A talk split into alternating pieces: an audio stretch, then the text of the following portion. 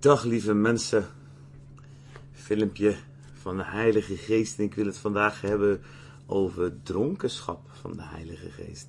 En dat vinden veel mensen al heel controversieel, hè? dat je dronken zou worden van de Heilige Geest. En ik snap dat mensen soms daar dingen zien, vaak zie je stukjes en geknipte filmpjes als je erop gaat zoeken. Of, um, maar in de Bijbel wordt er toch wel degelijk gesproken over een dergelijke aanraking van God en van Gods liefde, dat je dronken bent van de geest, dronken bent van zijn liefde, zou je misschien beter kunnen zeggen. En dat kunnen we misschien al wat makkelijker pakken, hè? dronken van Gods liefde. En die liefde van God, die wordt dus door de Heilige Geest uitgestort in ons. Hè? Daar hebben we de afgelopen uh, week ook wat filmpjes over gehad. Hè? Romeinen 5, vers 5. Uh, de liefde van God is in onze harten uitgestort door de Heilige Geest die ons gegeven is. Nou, wat gebeurt er als God die liefde uitstort door de Heilige Geest?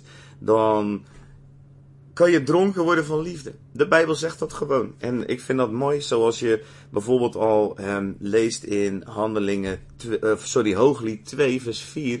Daar staat, hij brengt mij in het wijnhuis en zijn liefde is een banier over mij. Daar, waar, eh, het wijnhuis. God die neemt je mee in de vertrekken waarin alles wegvalt. Lees Hooglied 2, maar is hoe prachtig die omgang tussen de God en zijn geliefde bruid, tussen jou en tussen Jezus, door de Heilige Geest. Hè? De Heilige Geest is het die dat dus in ons hart uitstort.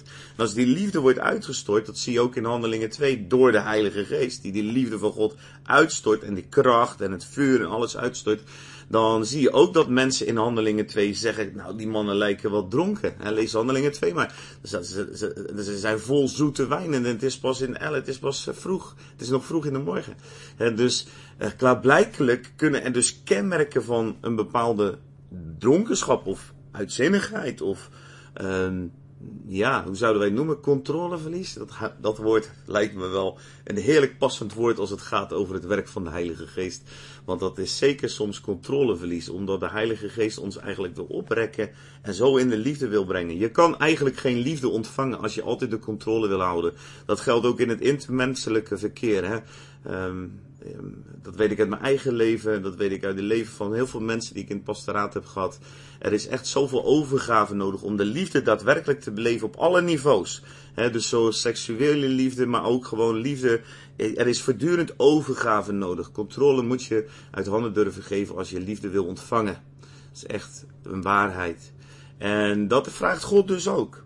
Dus, en dan ontstaan er dus symptomen van dronkenschap. Nou, als je als je, als je het geluk hebt gehad in je leven om daadwerkelijk in die liefde te bewegen, ook hier op aarde, waarin agape, filio, liefde samenkomt en de eros daarbij komt, dan zal je ook kenmerken van dronkenschap kunnen ervaren. He, want dan, dan, dan noemen wij ook, dan kan je buiten zinnen zijn. Nou, dat is eigenlijk wat het woord van God ook zegt over de ervaringen met de geest. Dus ik wil je vanmorgen ook daarin uitdagen om um, daarin te durven stappen. Efeze 5 vers 18 tot 20 zegt Paulus letterlijk dit. Word je niet dronken van wijn. Nou, amen hè. Uh, een wijntje op zijn tijd misschien heerlijk als je ervan houdt. Uh, maar wordt er niet dronken van. Wordt niet dronken van de wijn waarin losbandigheid is. Dus die, dat zinnenverlies, controleverlies door wijn leidt tot losbandigheid.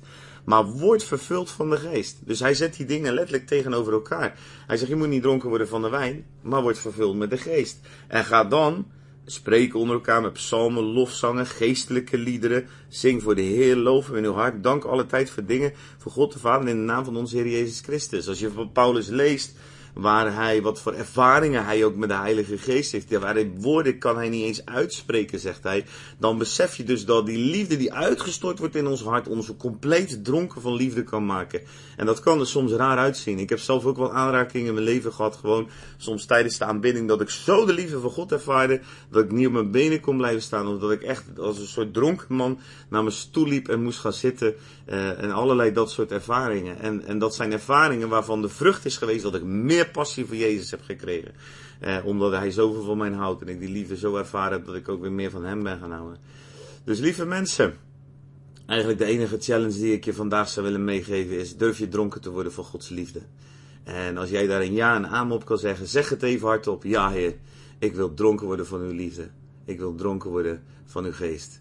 En dan zegen ik je daarin. En dan weet ik, als jij dit uitspreekt naar God, dat Hij er ook zo naar verlangt, naar die gemeenschap met jou naar die uitstorting van zijn liefde door de Heilige Geest. En ik bid dat het je zal raken met een ongekende hoeveelheid. Dat die uitstorting, die waterval je zal overspoelen. In Jezus' naam. Halleluja.